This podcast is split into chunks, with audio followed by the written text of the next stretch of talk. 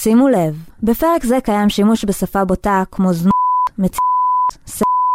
האזנה מומלצת מגיל 18 ומעלה. לא יכול בלי, תוכניתם של איתמר סוויסה, נטלי גיגי, רוני אשפיז ושקד אילת.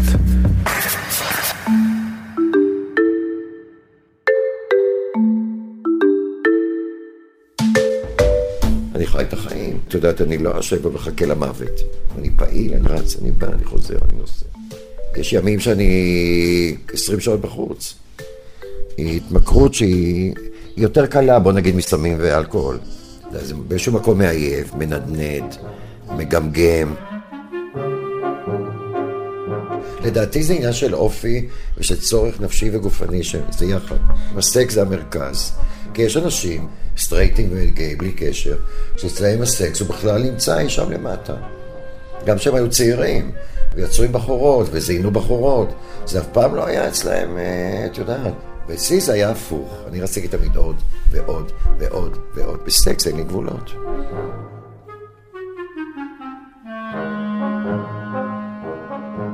והיום בתוכנית, לא יכול בלי סקס.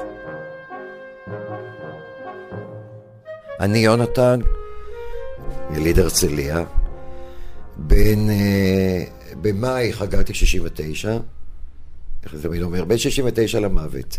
נכון לגבי ה-69, ממש לא נכון לגבי המוות. לא רק שיונתן חי את החיים, הוא טורף אותם, וכמו שכבר הבנתם, הוא בעיקר לא יכול בלי סקס. כבר מגיל צעיר הוא הרגיש שהוא חייב סקס כל הזמן, ובמקביל הבין גם שגברים זה הקטע שלו. מבחינתו לא היה דבר כזה ארון, דבר שהוא לא מובן מאליו בשנות ה-60 בישראל, ובמהלך השירות הצבאי כבר הצהיר על היותו הומוסקסואל. אז לא ידעו מה זה גיי. אז הייתה בדיחה בארץ, שאימא שלי אמרה כאילו, אה, יש לי בן גיי. אז אבא שלי אמר, לא, בן גיי זה משחה נגד כאבי גב. ככה משחק מילים כזה נורא נחמד. ומאז לא שאלו ולא קשקשו, אז היה לי קל לצאת מהארון גם. בתקופה שהוא יצא מהארון, היה די קשה להכיר הומואים בישראל. אבל מבחינת יונתן, הפתרון היה פשוט. למצוא את הפרטנרים שלו בחו"ל. מפה לשם, הוא די מהר מצא את עצמו עובד בתור דייל באל על. אה, לאל על הגעתי גם דרך סקס. זה נשמע נורא, אבל זאת האמת. הייתי בצבא, והיה בתל אביב, שתל אביב אז הייתה קטנה, מבחינת גיי, לא היה כלום. והכרתי בחור, הכרתי אליו הביתה, נכנסתי הביתה, הייתי בשוק. תקליטים, סליחה על המילה תקליטים, זה מראה, מסגיר את הגיל. תקליטים של מיוזיקל מניו יורק. קרים צ'יז, טסטר צ'ויס. בארץ לא ידעו מה זה. אמרתי לו, תגיד לי, אתה בן של מיליונרים? הוא אמר, לא הבנתי מה קורה. הוא אמר, לא, אני דייל באל על. אמרתי לו, סליחה, אני מיד מתרשם.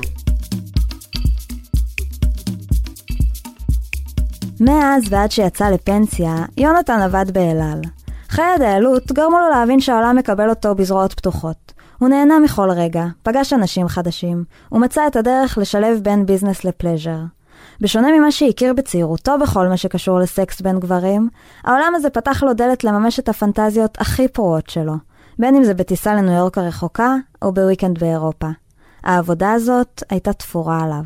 אני לא אשכח, את הטיסה הראשונה הייתה לי לציריך. ובערב הראשון, טוב, הגענו בצהריים, וזה, וזה, וזה, וזה, וזה, אמרתי, יאללה, אני חייב. אז, אז לא היה, לא אינטרנט, לא כלום. היה ספר שנקרא ספרטקוס. היה משהו בעובי כזה, וכל שנה הייתה יוצאת מהדורה חדשה. כל מקומות המפגש הגיי בכל העולם. לא, הגיי תמיד מסודרים, מאורגנים. ואז פתחתי צירי, ראיתי סאונה, אז היה שיא סאונה. את יודעת מה זה סאונה? סאונה של גייז? זה בעצם בית זונות בעברית, בוא נקרא לילד בשמו, כן? יש חדר עדים, ויש חדר זה, ויש חדרים, ויש חורים בין, בין החדרים.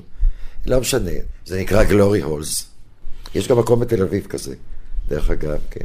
יש שם מין תאים כאלה, נגיד ארבעה תאים. עכשיו, כשאת נכנסת, מולך, סוגרים את הדלת, סרטים פונוגרפיים של גייס כמובן. רצים בלופ, את יודעת, בלי הפסק. עכשיו, בקירות, על יד, יש חורים.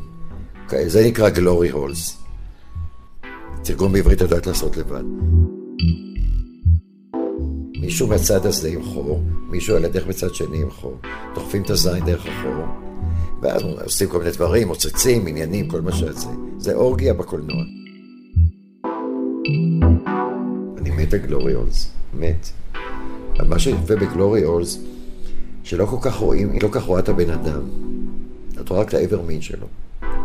אפשר לפנטז שעומד שם מה שבא לך.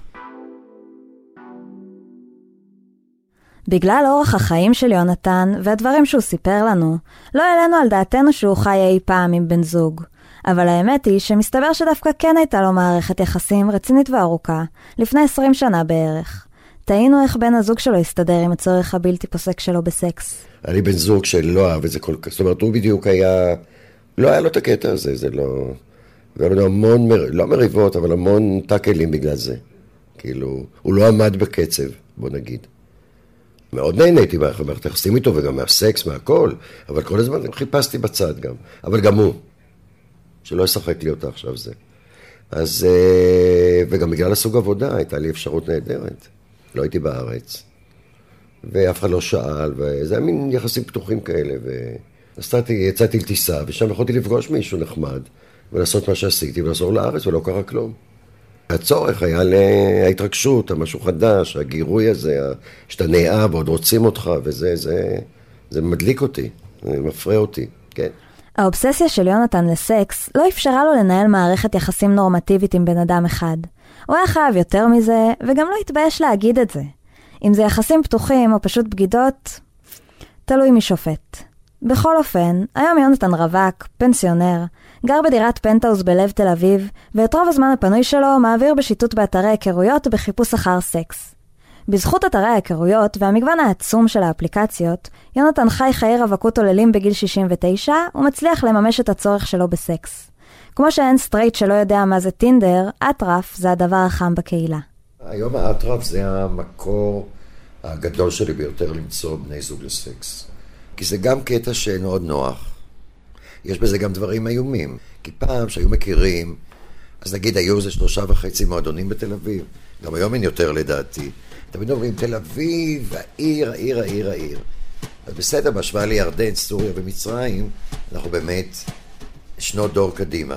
אבל פעם היו, היו, היו מקומות, אז היית הולך, והיו מסתכלים, והייתה קריצה, והיו מעבירים טלפונים, הכל היה אישי כזה, נורא חם. היום זה קר, כי אטרף, מה זה אטרף? שוק בשר קר. אתה רואה תמונות, אתה לוחץ, מתחיל דו-שיח או לא מתחיל. אם לא טוב, עובר הלאה. 24 שעות כל השנה לא מפסיק לדקה. תמיד יש מישהו חרמן שרוצה משהו. אין דבר כזה שאין פתאום. ותמיד יש חומר חדש, כי יש צירים חדשים. והמבחר הוא באמת בלתי נגמר.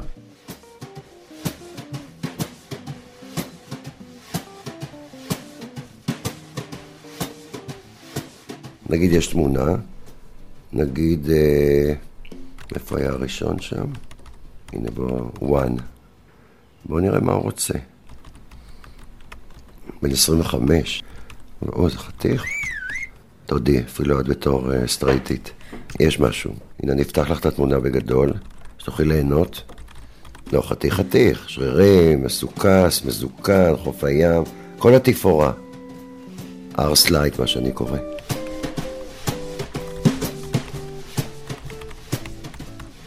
אחרי המפגש עם יונתן, יצרנו קשר עם שרון שילוח, מנהלת אתר ההיכרויות מוטקה. היא סיפרה לנו שלא הכל נוצץ בטכנולוגיה החדשה. המינוס, אני חושבת, הכי גדול של הדבר הזה, זה שכן, זה יכול לייצר אשליה של שפע ושל בחירה אינסופית, אה, מה שיכול להביא לבלבול מאוד גדול ולצבירה של חוויות שהן לאו דווקא חוויות בונות ומוצלחות, אלא כאלה שיכולות כן לפגוע דווקא בביטחון העצמי של הבן אדם. הכל נורא וירטואלי, ו... ומכיוון שזה כך, אנשים בונים לעצמם גם כל מיני פנטזיות בראש, שאז כשפוגשים את המציאות, אז uh, המפגש יכול להיות הרבה יותר קשה. אני אף פעם לא נפגש בלי שמראים לי פנים. למרות שאפשר גם לרמות, את יודעת. התחלתי לדבר עם מישהו נחמד, אינטליגנט וזהו, הראה לי גוף כזה מרחב, אני לא יודע למה, הייתי כנראה חרמן מאוד. אמרתי לו, יאללה, ניפגשים. אתה בא אליי כמובן. אני מנקה טלבאי, שם שמפניה בקרח, תאורת רחוב, מפזר אבקת בושם בחדר, מחליף סדיני, באמת, כל הסיפור.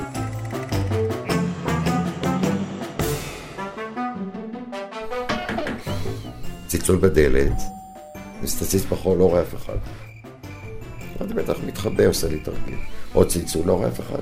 פותח דלת, תאמיני לי, עמד שם גמד, גמד אמיתי.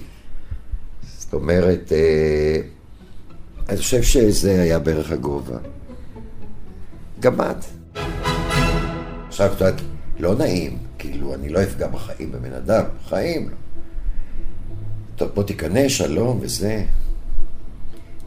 תמיד אנחנו ישב על הכורסה, הייתה פה עוד כורסה, הרגליים לא הגיעו לרצפה. פנים מאוד נאות, גוף קטן, שרירי, מכווץ כזה, את יודעת כמו... התפתחה שיחה. הוא אומר לי, אתה בטח תוהה מה אני זה וזה וזה. הוא אומר, עכשיו אתה מבין למה אני לא מראה את הצילומים שלי האמיתיים הזה. הוא אומר לי, תשמע, אני אספר לך מה קורה. אני, אין לי סיכוי הרי.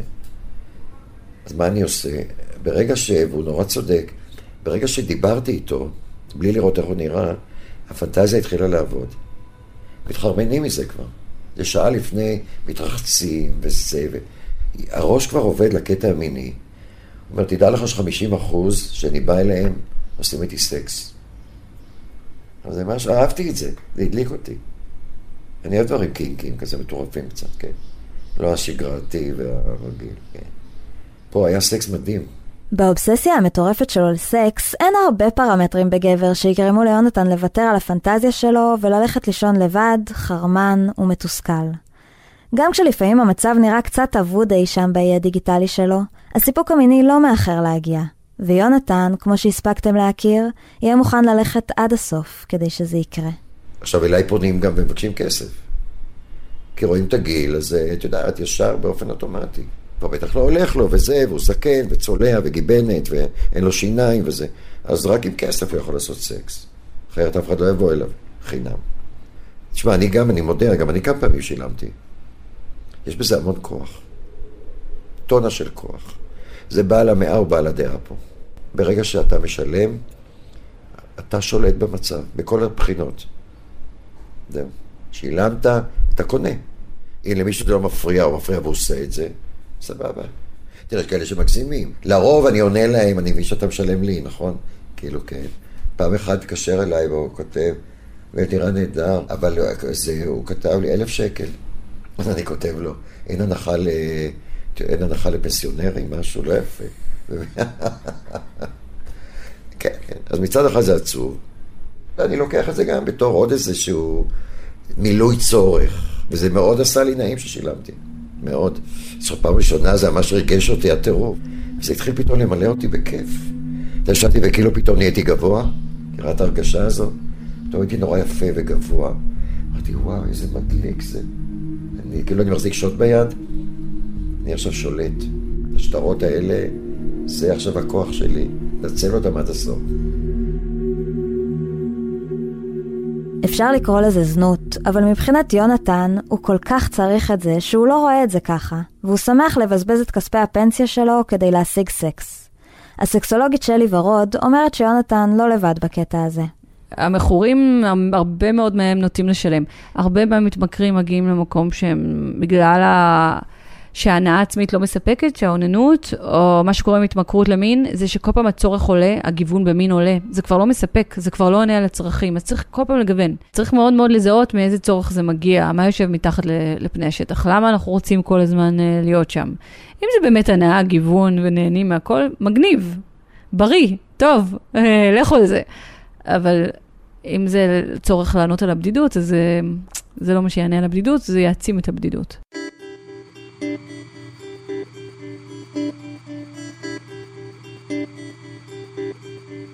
עכשיו, אני גם המון שנים לבד.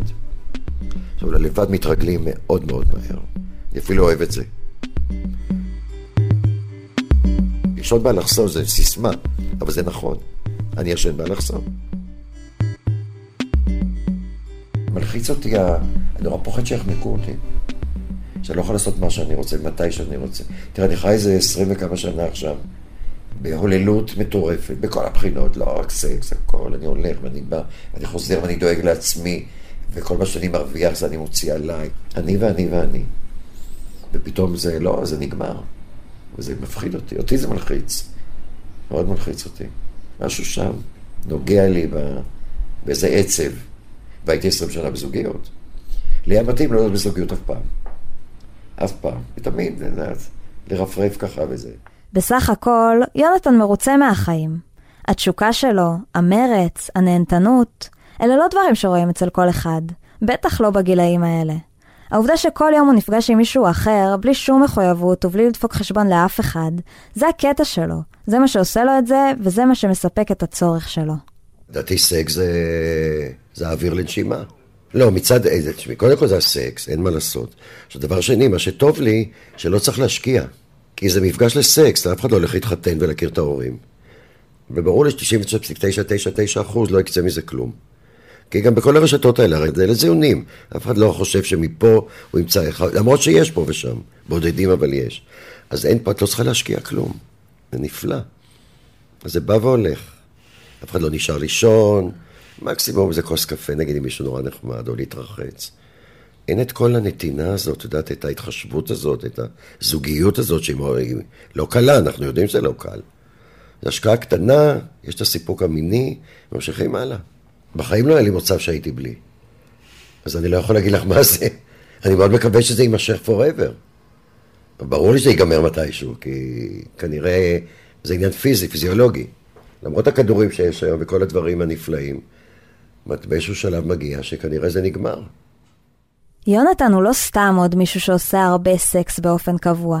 הוא בחר במודע לא ללכת עם הנורמה החברתית ולא להתחייב לגבר אחד, אלא להכיר ולהתאהב באדם זר בכל לילה מחדש. גורם ההפתעה, הפנטזיה, הקשר שמבוסס רק על סקס, כל אלה מרגשים אותו. אז נכון שהעיסוק והמרדף אחר סקס הפך לאובססיה שבאיזשהו מקום מנהלת את החיים שלו. אבל יונתן מבין בדיוק מה טוב לו ואיך הוא רוצה לחיות. וכנראה שעד שלא יהיה משהו שימנע את זה ממנו, הוא תמיד ירצה עוד ועוד ועוד. כנראה שככה זה. ככה זה כשאתה לא יכול בלי.